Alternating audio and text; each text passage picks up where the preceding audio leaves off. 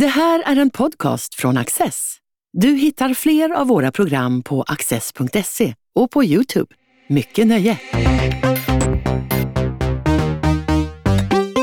I Rädd för sanningen berättar Janne Josefsson om sitt händelserika liv som journalist. Viljan att avslöja maktmissbruk, korruption och elitens hyckleri har följt honom under hela hans yrkesliv och utmärkelserna har varit många genom åren. Men det personliga priset för framgången har också varit mycket högt. Om detta samtalar han med Erik Thyselius. Din nya bok heter Rädd för sanningen. Varför har du valt den titeln? Den är dubbeltydig tycker jag. Alltså, är jag rädd för sanningen själv? Eller, eh, många gånger, folk blir väldigt rädda för mig. För jag har ju liksom en, en eh, ambition. Och det är att sätta sig på väldigt höga hästar, att hitta sanningen om en verksamhet, ett företag eller institution eller en, en människa.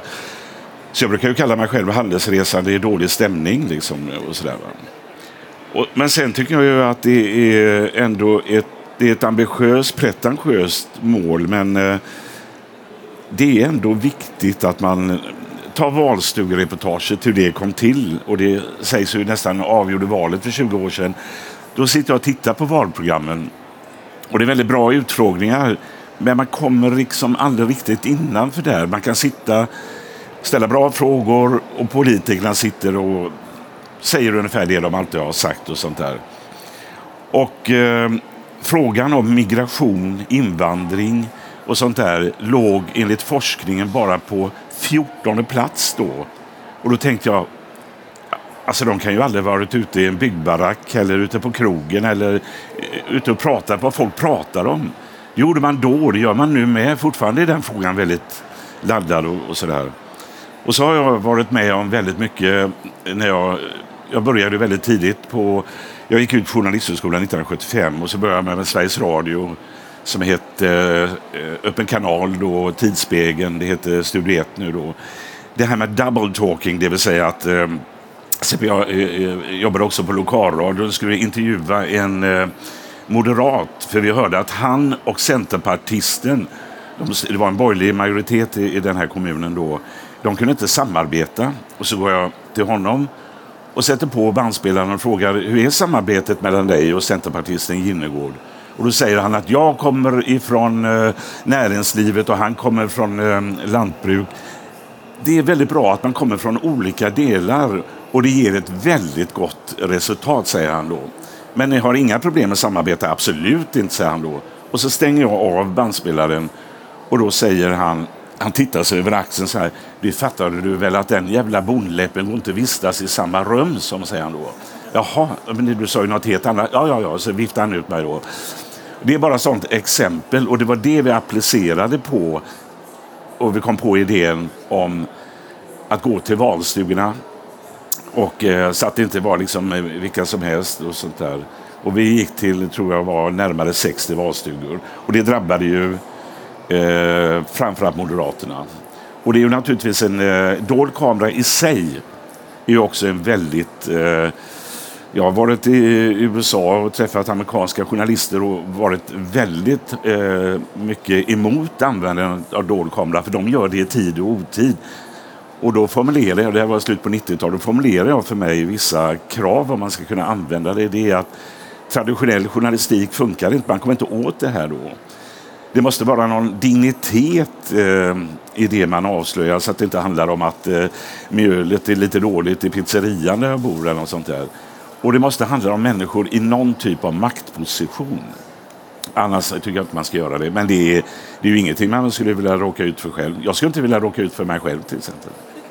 Nej, för du, du tar ju upp det i din bok att, att det finns eh, det, det, har funnits eh, tider i ditt, ditt yrkesliv där du, du har funderat på om det var rätt att granska den här personen på det sätt man gjorde. För det finns ju en, hur ser du på maktbalansen mellan den som blir granskad och granskaren? För som journalist har man ju också ganska stor makt. Ja, inte bara ganska stor makt. Jag har ju varit med om, eh, för min egen del, en eh, social ekonomisk klassresa. Men också har jag varit med i en tid där journalistik och journalist, journalisterna har fått en allt ökande makt. Det är liksom Men det kanske har pikat för man kan ju se i flera länder, ta det som hände i Italien nu, det är ju väldigt mycket en produkt av att eh, jag var där vid tillfällen när den här Beppo Grillo, tror jag, som bildade Femstjärnerörelsen. Och då han vägrade att bli intervjuad av några journalister. Han sa liksom fuck you, sa han till journalistkåren. Och folk bara applåderar. Och det där var ett tidens tecken. Detta var en fem, sex år sedan bara när jag var där. Och eh, även det här med eh, Trump alltså, det, där eh, tycker jag också att eh, man måste, alltså SVT som jag älskar, jag älskar public service, men vi har vissa problem. Till exempel när det var valet mellan Trump och Clinton. När jag går och lägger mig på kvällen så har Clinton vunnit. Liksom. När jag vaknar på morgonen så är det Trump som har vunnit. Och stämningen i själva tv-rutan, det var ju som en begravning. Va? Man fattade inte vad som hade hänt. Efteråt skickar man journalister till eh, områden i USA där man röstade på Trump och försökte förklara varför man gjorde det. Det är ju det man skulle ha gjort innan så att man förstod vad det är som händer. Så att... Eh, nej, men det finns... Det, det, det, är klart att vi har en jättestor makt.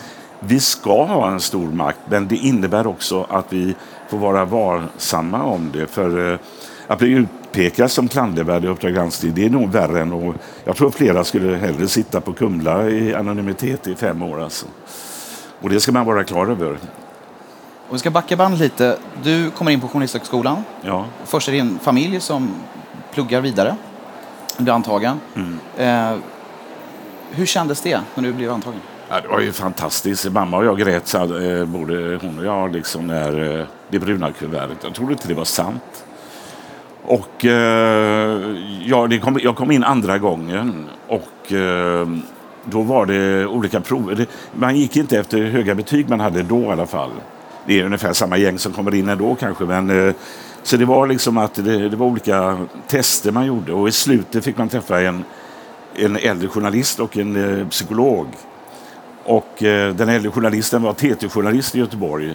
Hans son kom fram till mig för inte så många år sedan och sa att han tog in mig bara för han tyckte det var så fantastiskt att en kille från Biskopsgården läste både Dagens Nyheter och eh, hand, eh, Göteborgs Handels och Sjöfartstidning och GP och sånt där. Så att eh, han tyckte väl att ah, vi chansar på honom och det är jag ju glad för. Vad är, det, vad är din starkaste drivkraft som journalist? Vad är det som har drivit dig framåt? Jag, jag vill ju vara där andra inte är. Jag tycker att journalistkåren går väldigt mycket i flock ställer ungefär samma frågor, tycker och tänker väldigt mycket likartat. Eh, alltså då när jag gick journalisthögskolan, det var ju kommunisthögskolan kan man säga. Det var i stort sett, ja det var, det var helt dominerat av det. Och eh, det gör ju också att man eh, jag, jag, tror det är farligt att det är för likartade värderingar man tycker likadant. För då tar man, vissa grejer tar man inte upp då. Till exempel eh, när jag gjorde om det romska lägret i Malmö så eh, hade eh, det har ju funnits många, många journalister som har varit i det romska lägret tidigare. Men de har bara intervjuat stödkommittén och så här. Medan jag, när jag kliver in där, är ju ockuperad mark och de krävde av mig då att jag skulle ha ägarens godkännande för att jag skulle komma in i det här lägret och sånt här. Och sen är det då väldigt mycket kriminalitet, det är prostitution, det är Eh, eh, det ser för jäkligt ut. Och jag ställer de frågorna också. Och får kritik för hur kan du ställa de frågorna? Ja, men alltså, vem som helst som kommer in i det här lägret måste fråga ju sig varför. Här har ju kommunen satt ut eh, fem toaletter. Det, används inte och det, det, det såg för jäkligt ut. Och de börjar ju städa då också. Sen efter en vecka, 14 dagar, så stänger de eh, det här lägret och eh, då kastar man skulden på mig. Jag tycker att att inte ställa de frågorna det är snarare att se ner på människor ungefär som man inte är tillräcklig för att kunna svara på den frågan som är relevant. Eller, eller till exempel, eh, jag frågade Morgan Johansson tror jag då 2015 när det kom väldigt mycket afghanska pojkar. Eh, om, eh, kan vi ta emot lika många afghanska pojkar som nästan hela övriga Europa? Och då sa han väl någonting att ja, det är, ja, det är, är vi människor så gör vi det och sånt där. Och vi fick också mycket eh, eh, informationer om att eh, flera sa att de var yngre än vad de var. Och att eh, vi hade ett system här att eh, var man under 18 eller under 15 eller vad det var, då fick man en socialassistent. Man fick stanna, man fick hjälp, man fick bostad och alltihopa. Och hade jag flytt genom halva eh, jordklotet så hade jag väl också fejkat åldern kanske och sånt där. Men det där fick inte ställas frågor om och man förnekade. Hon som är eh, högsta hönsen för Rädda Barnen sa att det är som eh, pit, eh, råttan i pizzan, det var påhitt.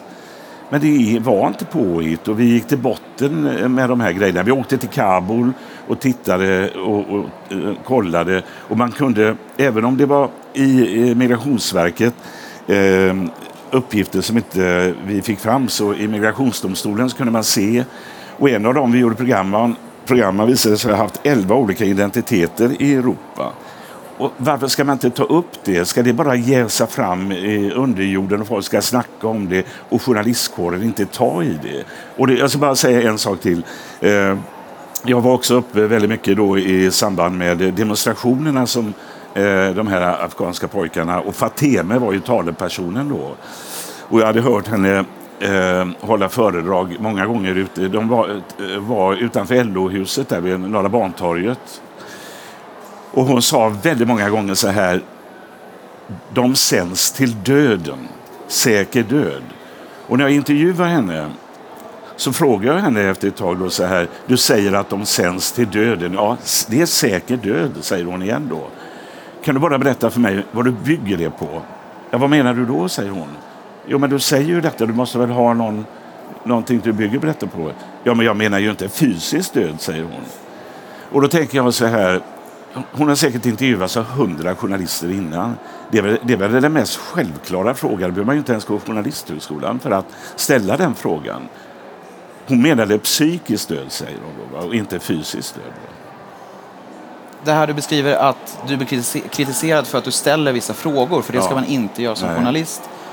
Upplever du att det är liksom något som kommit på senare tid eller var det redan då på 70 80-talet att vissa Ja, det var väldigt, det var väldigt mycket då i början, men det har, det, det, det har funnits kvar. Va? I alla fall i public service och inte bara där. Det är ju liksom... Uh, uh, när jag bestämde mig för att göra Vänsterpartiets mörka historia, vilket jag hade gjort tidigare och även på 80-talet och jag hade skrivit om det på tidigt 90-tal, men 2004 Ja, men då var det ju eh, en på redaktionen i Uppdrag granskning som sa varför, gör de vår, varför granskar du våra parti, Janne? Våra? Har vi ett parti? Jag röstar ju inte. Jag röstar blankt Jag har gjort det hela mitt liv. Och det, vi fick ju fram saker om målet som var, he, var helt häpnadsväckande. Han försvarade dödsskjutningar av strejkande arbetare i Polen till exempel. Och vi hittade ju citat som var verkligen skrämmande i synen på människosyn och samhällssyn och sånt där. Men eh, och vi, alltså man ska kunna granska alla. Det är det som är det viktigaste. Folk säger, när vi säger att vi är, o, o, vi är oberoende och sånt där så måste vi ställa oss frågan vad, vad menas med det egentligen? Vad innebär det? Det finns nog ingen yrkeskår som är, som, som är så det är så påfallande viktigt vilken politisk åsikt man har. Den påverkar det man gör. Och därför, jag vet inte vad jag skulle rösta på om jag ska vara ärlig idag. En röd tråd i din bok, mm. Eh, det är din egen klassresa. Mm. Eh, du växer upp i Biskopsgården, en kärleksfull familj, ganska enkla förhållanden. Mm. Och så gör du resan, du vinner Guldspadar, du blir en av Sveriges mest kända journalister. Sommarhus på Åstol. Eh, hur har den erfarenheten format dig? Jag tror i alla fall att det har påverkat eh, mitt sätt att göra. Jag har klivit in i väldigt mycket tuffa miljöer. Jag är aldrig rädd i de sammanhangen. Jag har haft kriminella framför mig. Tidigt 90-tal hade jag Hells Angels, Thomas Möller framför mig med rånarluva och vapen. Och, jag, och där har jag reflekterat och det har ökat. Hoten har varit, jag lever ju som i en bunker i, i en lägenhet på hemlig ställe här i Göteborg och sånt här. Och eh, jag tänker väl också hur eh, hur jag har kunnat utsätta mina familjer och mina barn för detta och sånt där. Men det är väl den här drivkraften. Men du frågar om det har påverkat mig i min bakgrund. Eh, och det har det väl gjort på det sättet att eh, det var ju naturligtvis Journalisthögskolan bestod väldigt, väldigt mycket av välutbildade övre medelklassbarn. Medan jag kom från ett annat håll. Det är ju flera andra som också har gjort, men det är inte så många. Och det tror jag det, det har påverkat. Jag kan nog inte riktigt reda ut på vad sätt det har påverkat mig, men eh, jag har ju gjort Eh, väldigt mycket eh, i tuffa miljöer och eh, Sen tror jag mig veta hur det är ute i förorterna och koderna och sånt där, men jag har tagit fel flera gånger också, för jag har ju lämnat det sen länge, så att säga. Och så där, så att, men det är väl bra att man åtminstone har någon erfarenhet hur, hur folk som inte har så jävla bra ställt, hur de tänker och vad det, vad det betyder och sånt där. Och att det inte bara blir något teoretiskt. Jag har ju sett nu i nästan 35 år hur klyftorna har ökat. Och bland de första dokumentärfilmer jag gör handlar om en spårvagnsresa här i Göteborg mellan Biskopsgården och Örgryte. Och jag satt ju tre riksdagsledamöter i baksätet där på spårvagnen. Och Moderaten och kommunisten var rätt överens om att här har hänt någonting. Det är någonting som känns att det inte är bra. De kunde se att det var, stod brons på eh, husväggarna och det var, hade börjat fallera och bli lite sämre eh, miljö och sånt där. Medan den socialdemokratiska kvinnan hon tog in, Vända Björk hon såg liksom som var grön tog hon som intäkt att här är ju jättefint. Åh, nej men det här är...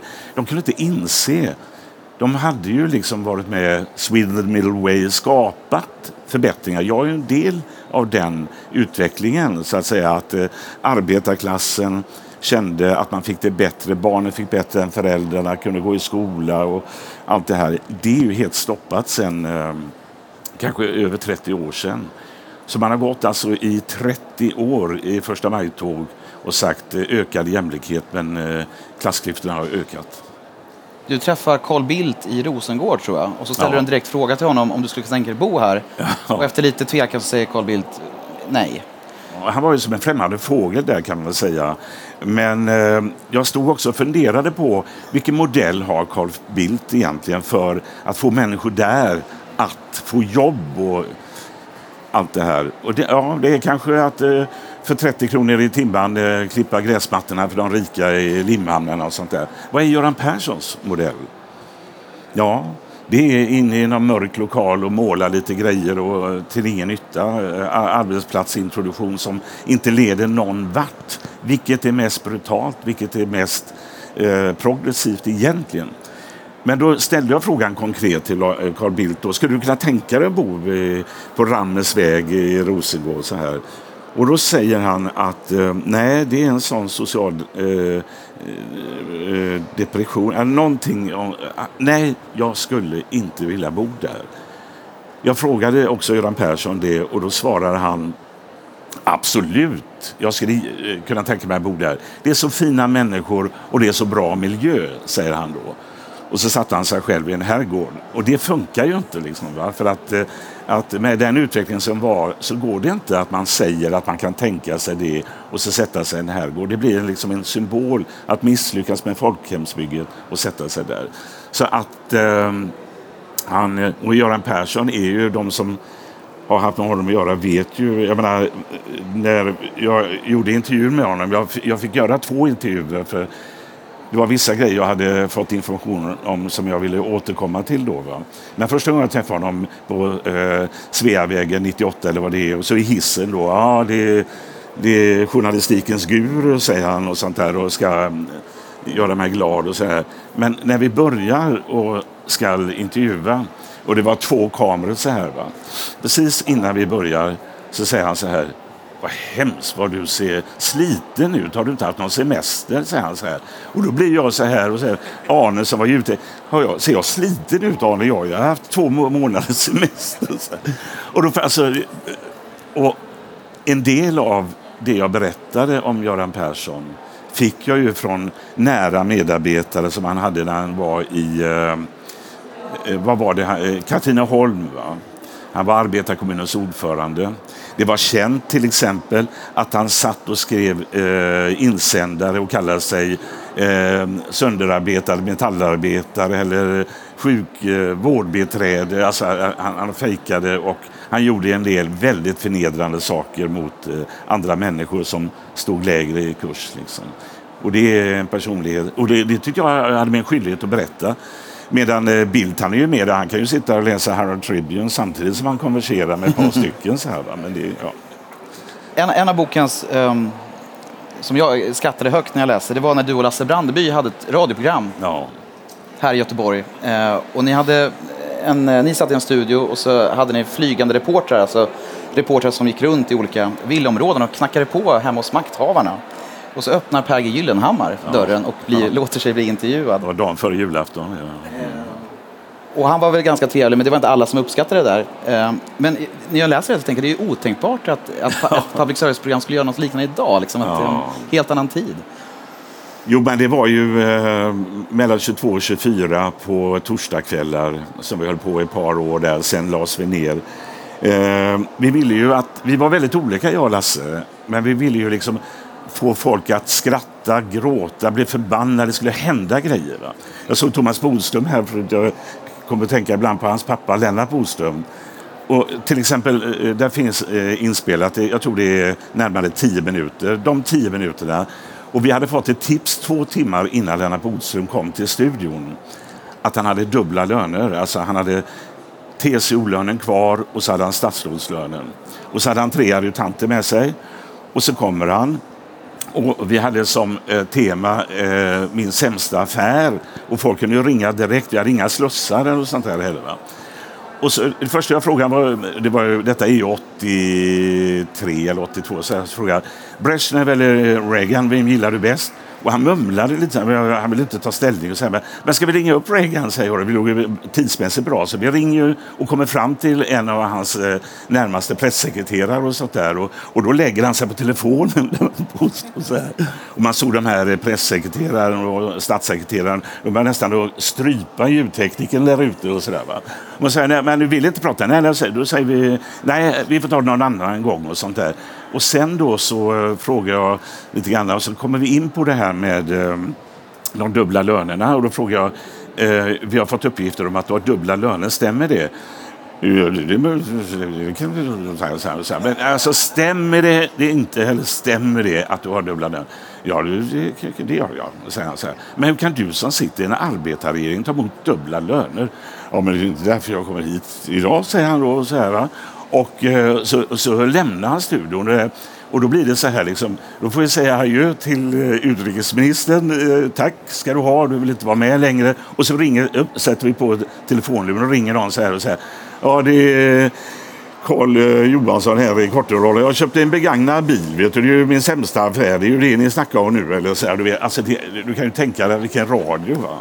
Ja, mot slutet av boken så beskriver du eh, din sista tid på Sveriges Television. Mm. Eh, och du får höra att, att, eh, du får höra via omvägar att, att eh, du inte är tillräckligt, tillräckligt erfaren som programledare för att leda ett program. Ja, det är, eh, Hur kändes det? Jag, har varit med om väldigt många underligheter kan jag säga. Som jag, jag har inte nämnt alla där i boken, men det var ju inte så länge sedan han, den personen, han som var chef för all samhällsproduktion inom SVT, säger till min producent när vi var nominerade till Kristallen som är ett tv-pris som jag också vinner. Att säger Janne något kritiskt om SVT, försök att putta ner honom eh, från scenen. Och, eh, och jag frågade Lena efter, eh, sa, sa, ja han skickade en adjutant och sa det. Säger, och jag ringer upp honom och då säger han absolut inte, vad tror du? säger han. Det är klart att inte det har skett. Och jag går till Lena igen. Han säger att det absolut inte har skett. Ja, men det skedde ju. Och då ringer jag igen. Och då säger han, ja, jag fick väl, här, eh, jag fick väl eh, eh hjärnblödning då, eller? eller så här. Och sen säger han så här, eh, vilket är det värsta tycker jag, att eh, berätta ah, inte detta för någon, vilket jag inte har gjort genom de här åren. Nej, jag ska inte göra det.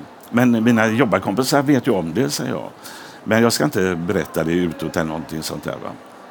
Nej, det är bra, för du vet att det är jag som är garanten för att Uppdrag granskning finns. Alltså det är ju sinnessjuka grejer. Va? Det som hände mig, det allra sista jag gör för SVT, det är att eh, jag hoppar in och gör Sverige möts, heter det. De har ju lagt ner Debatt, som eh, jag också var programledare för, som gick varje vecka. Jag körde det två gånger i veckan, tisdagar och torsdagar. Jag, nu är det väl en gång i månaden, vilket är huvudlöst tycker jag. Stockholm, SVT, är inte så begeistrade i sättet att göra debatt eh, som vi har gjort i Göteborg. Där är det mera vildvuxet och det, eh, folk kanske skriker och sånt där. Men det är viktigt att det ska finnas agenda men också en kanske mer folklig debatt. Va?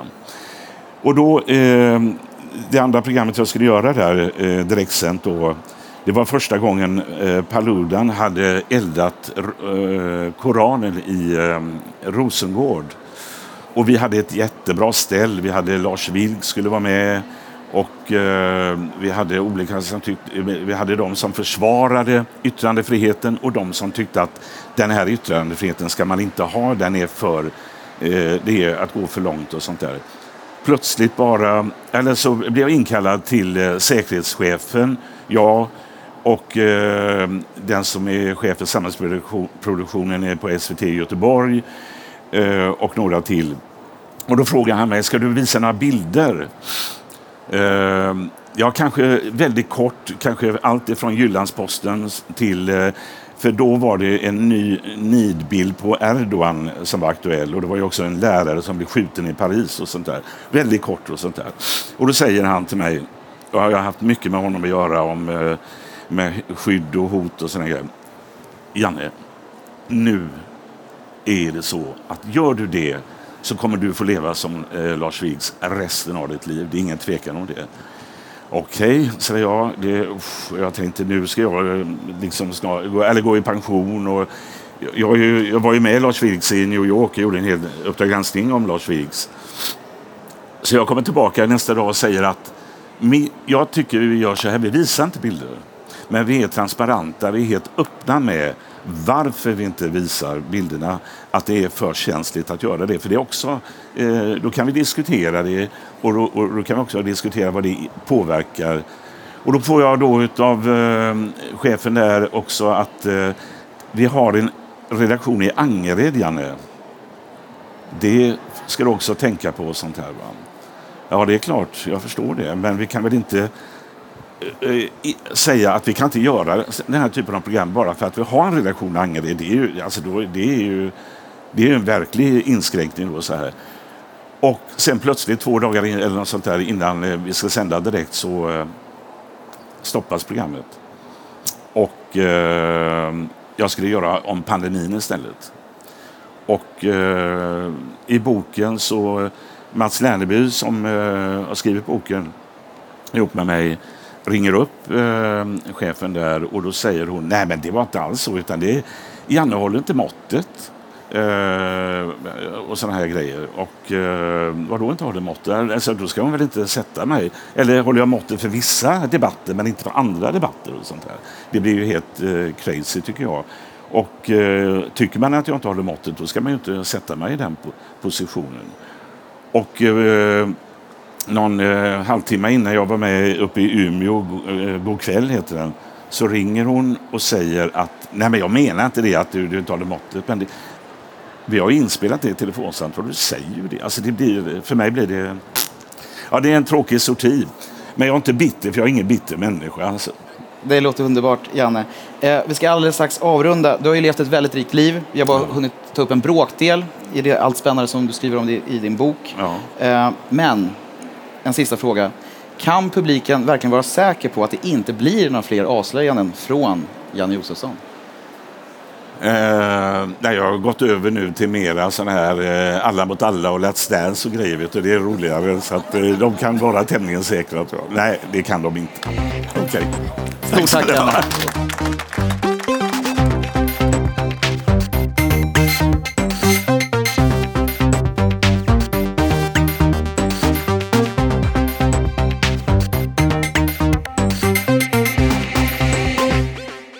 Har just lyssnat på en podcast från Access.